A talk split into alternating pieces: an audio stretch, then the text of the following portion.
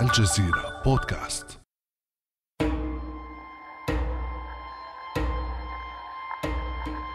في إحدى القلاع التي اعتاد الغريمان التقليديان التنافس على أرضها الخضراء احتشدت جماهير النادي الكتالوني برشلونة وعشاق الميرينجي ريال مدريد. بالمناسبة الميرينجي هي حلوى بيضاء اللون لها قيمة كبيرة لدى الإسبانيين. دقت الجماهير الزرقاء البرشلونية طبولها وصدحت بالنشيد الشهير للبارسا.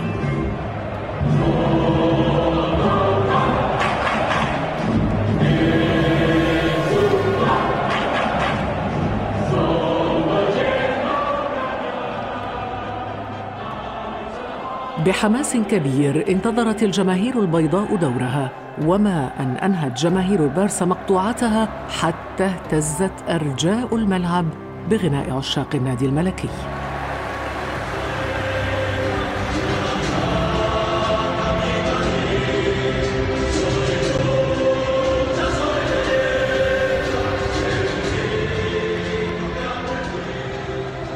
بدأت المباراة بحماس كبير فيما تسمر خلف شاشات التلفاز ملايين الجماهير من عشاق الساحرة المستديرة. لها حق على هذه الأندية لها حق على برشلونة ولها حق كذلك على نادي ريال مدريد. عندما نتحدث عن هذه الجماهير التي تعشق هذين الناديين حتى النخاع لدينا فرصة محاولة قريبة هذه المرة فرصة من كانت هذه لحظات من الماضي القريب وتحديدا قبل أن يطلق فيروس كورونا المستجد كوفيد 19 صافرته ليفرض حجرا اجباريا على الأندية وطواقمها ونجومها وجماهيرها في منازلهم. فما الذي فعله المستجد بكرة القدم؟ وما الخسائر التي خلفها الفيروس؟ وما حجم الاقتصاد الذي تسيطر عليه كرة القدم؟ وما مستقبل هذه الرياضة الأكثر شعبية في العالم؟ بعد أمس من الجزيرة بودكاست أنا خديجة بن جنة.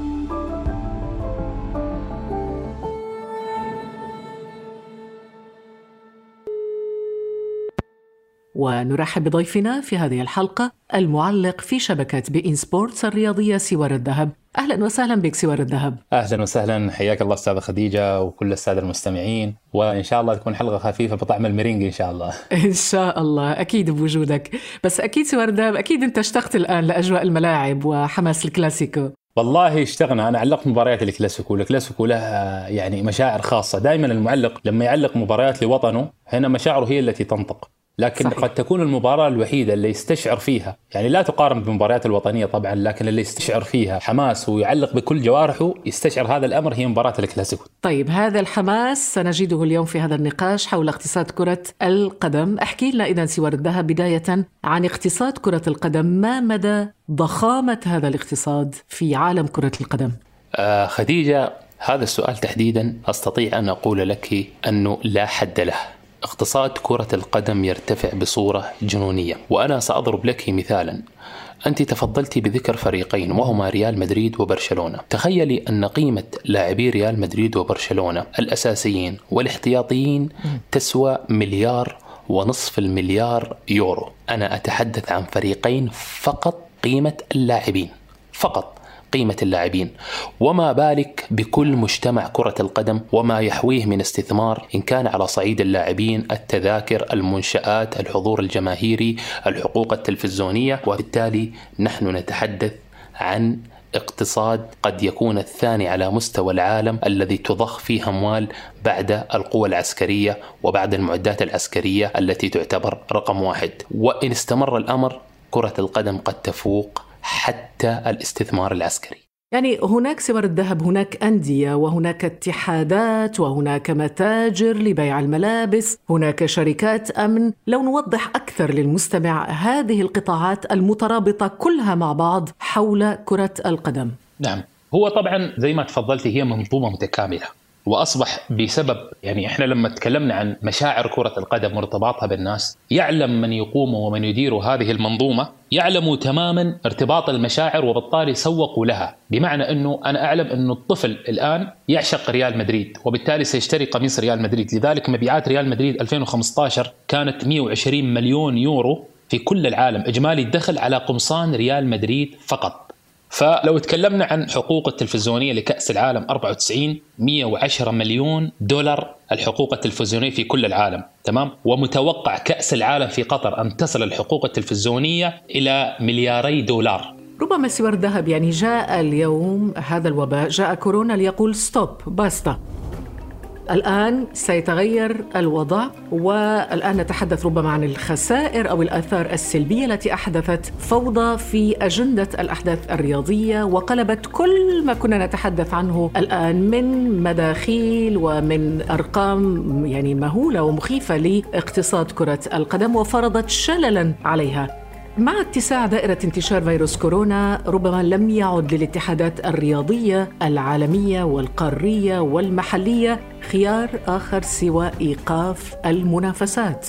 قرر الاتحاد الأوروبي لكرة القدم تأجيل منافسات دوري أبطال أوروبا والدوري الأوروبي والتصفيات المؤهلة لكأس أمم أوروبا لأجل غير مسمى.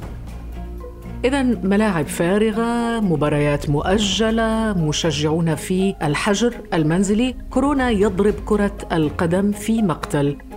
هذه الخسائر المادية لأندية الدوري الألماني للدرجة الأولى أو ما يعرف بالبوندسليغا وحدها يتوقع أن لا تقل عن 750 مليون يورو شاملة فقدان أرباح التذاكر، حقوق البث، وهذا نموذج ربما من بين العديد من الدوريات العالمية سوار ذهب ما الضرر الذي سيلحق بمنظومة كرة القدم ككل برأيك؟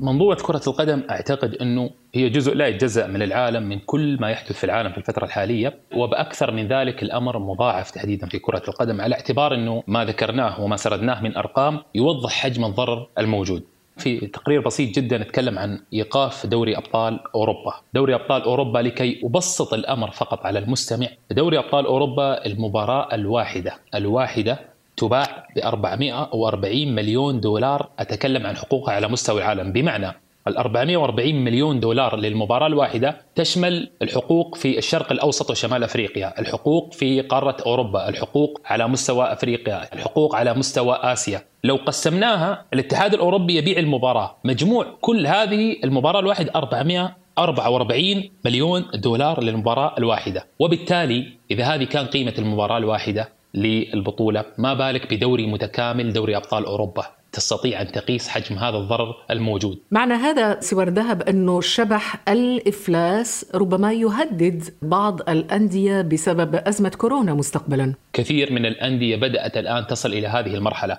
وصلت لمرحلة الإفلاس حتى الاتحادات لكنها ما زالت إلى الآن تتكلم بأقل الأضرار إعلاميا. ما يدور في الداخل أمر معلوم تماما بقيمة الفقد اللي حدث حتى الآن، ناهيك إنه كثير في أوروبا من الأندية داخلة في أمر المراهنات، تحديدا داخلة في أمر المراهنات والتوقعات كل هذه الأمور توقفت. كثير من الشركات تضارب كثير من أسهم الأندية تضارب على بعض المباريات وغير تذاكرها وهذه الأمور. وبالتالي الآن هذا الأمر سيغير قانون كرة القدم سيفعل قانون المخاطرة. يعني بند المخاطرة كانت تجاريا أو بند الأضرار كان ما مفعل لأن هذا غير متوقع. بند الكوارث تحديدا العالمية أمر غير متوقع في الظروف الحالية الموجودة. لكن أعتقد هذا البند سيفعل بصورة حقيقية. الشروط الجزائية في حالة الكوارث الطبيعية وفي حالة الأقدار ستفعل بصورة حقيقية كورونا ما بعدها سيغير وجهة العقودات والقوانين ووجهة الاقتصاديات وهذا الأمر يعني يشمل كل المجالات وليس الرياضه وهذا الأمر ربما يدخل في التبعات القانونية لهذه الأضرار. أعود إلى المثال الذي سقته قبل قليل سوار ذهب وهو أنه مثلا حقوق البث بالنسبة لدوري أبطال أوروبا للمباراة الواحدة يقدر ب 44 مليون دولار. للمباراة الواحدة على مستوى العالم. على مستوى العالم. طيب هذا يدفعنا للسؤال عن الضرر الذي سيلحق بالجهات التي تمتلك حقوق البث. على مستوى الحقوق التلفزيونية طبعا الاتحادات هذا البند تحديدا فاجأ القنوات وفاجأ الاتحادات على الصعيد القانوني.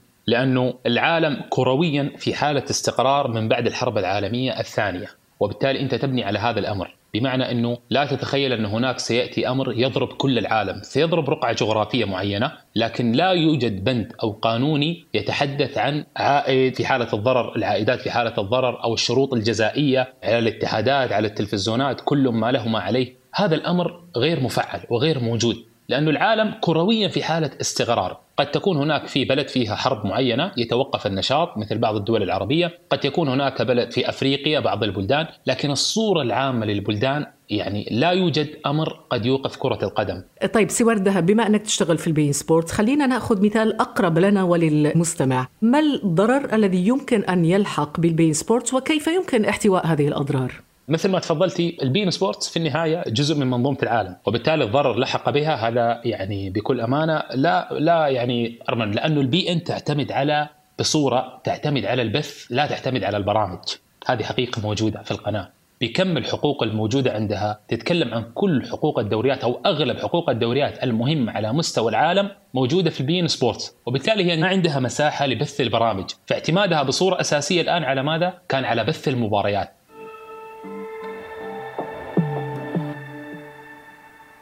ربما رغم هذه السوداوية التي تحيط بالمشهد الكروي إلا أن هناك بعض الأخبار التي قد تعيد لعشاق كرة القدم الأمل. ففي تايوان مثلا أعلن عن استئناف الموسم الرابع من دوري كرة القدم لكن دون حضور للجماهير وذلك بعد إعلان السلطات هناك احتواء الفيروس. في إسبانيا أيضا تحدثت تقارير أن عجلة الليغا قد تعود للدوران من جديد نهاية الشهر المقبل. سوار الذهب إذا إلى أي مدى يمكن أن تصبر الأندية على الوضع الحالي؟ الأندية التي تعتمد على ذاتها أنها كجهة استثمارية مثل الأندية الأوروبية أنا أعتقد ستخسر الكثير وحتى بدأت تسترجي لاعبيها بإنقاص الرواتب، العمال بإنقاص الرواتب، سرحت كثير من اللاعبين، هذه الأندية قطعا تستحدث فيها إشكالية اقتصادية كبيرة جدا، لكن الأندية المدعومة من دولها تحديدا مثلا الأندية المدعومة من دول الخليج، هذه لن تكون لها مشاكل لأنه الدعم أصلا من الدولة. وهنا الاختلاف. أوروبا طبعا بحكم الفكر الاستثماري وبحكم التقدم الموجود هناك حتى في النظرة التسويقية والنظرة الاقتصادية في النهاية من بدري الأندية تم خصخصة الأندية وأصبح النادي جهة استثمارية متكاملة. هذا مثالا مثل الشركات الكبرى التي خسرت سيخسر لكن الدول الخليجية بصورة عامة على اعتبار أن الدعم يأتي من الدولة لن تتضرر كبيرا إلا إذا الدولة رفعت نفسها من الأندية. وهذا ما بدأت الدولة في الفترة الأخيرة تتجه له. لكن هناك استثناء. مثلا دولة قطر على اعتبار أن هي ستستضيف كأس العالم تعتبر أن التوجه الرياضي والتسويق الرياضي للدولة من خلال الرياضة لابد أن يستمر إلى بعد فترة كأس العالم. لكن بعد 2022 على الأندية أن تبدأ تتحمل نفقاتها أن تتجه إلى الخصخصة. لكن الظرف الذي يحميها الآن هو الاتجاه إلى 2022 لكن بقية الدول قطعا تتأثر. في النهاية أنت تعيشي من زمان. أنا مولود في قطر وأنت عايشة من زمان في قطر. في النهاية هناك رؤية معينة. هناك رؤية إعلامية موجودة وتوجه الدولي باتجاه مثلا الانتشار من خلال الإعلام. هذا توجه موجود في الدولة وواضح للكل. التوجه الآخر كيف تصنع الهوية الدولية لك كبلد من خلال الرياضة؟ هذا توجه من خلال الاستضافات والبطولات ومن خلال كأس العالم. كل هذه الأمور. لكن هذا يكلف الدولة الكثير. لكن قيمته قيمة تسويقية. لكن هل سيستمر بعد ما نحصل على كأس العالم والكل يعرف؟ أعتقد ستختلف الصورة تماما. ولكن سوار الذهب في حال عودة بعض الدوريات أو المباريات هل ستعود أجواء كرة القدم كما كانت في السابق على الأقل في المنظور القريب لنقل؟ لا أعتقد. على اعتبار إنه طبعا قرار العودة حتى الآن والتقريب هي مجرد تصريحات إعلامية لتخفيف الأزمة، أتكلم عن مثلا أنا الآن لو حاجز مباريات الجمهور الرياضي يحجز لموسم كامل في أوروبا، دوري أبطال أوروبا وهذه. الآن الكثير بدأ يطالب بإعادة التذاكر وأنت هذا مثال بسيط جدا لذلك تبدأ الاتحادات بالتصريحات أن الموسم سيعود بداية الشهر المقبل، لأن لو صرحوا من الآن أن الموسم سيعود شهر ثمانية أو ستلغى البطولة معناها أنا كمشجع كمتابع لي حق بأن تعيد لي الأموال، إن كانت كحق تلفزيوني في الاشتراك أو إن كان كحق في التذاكر، كل هذه الأمور ستعاد، وبالتالي هي تحاول التخفيف من الضرر. لذلك الدولة الوحيدة اللي كما تفضلتي الآن فكرت في إعادة الدوري حتى الآن تايوان. ما قيمة تايوان في خارطة كرة القدم؟ لا شيء فقط في صناعة الكور. نختم هذا النقاش الشيق جدا والممتع جدا معك سوار الذهب شكرا خديجة بارك الله فيك. ألف شكر لك سوار الذهب المعلق الرياضي في شبكة بي إن سبورتس الرياضية. ستمر هذه الأزمة بالتأكيد إن شاء الله. وسيعود للملاعب صخبها وما نحتاجه فقط اليوم هو الوقت والصبر والحفاظ على سلامتنا. إلى ذلك الحين انتبهوا لأنفسكم مستمعينا وأعزائنا وابقوا في منازلكم وخليكم في البيت. كان هذا بعد أمس.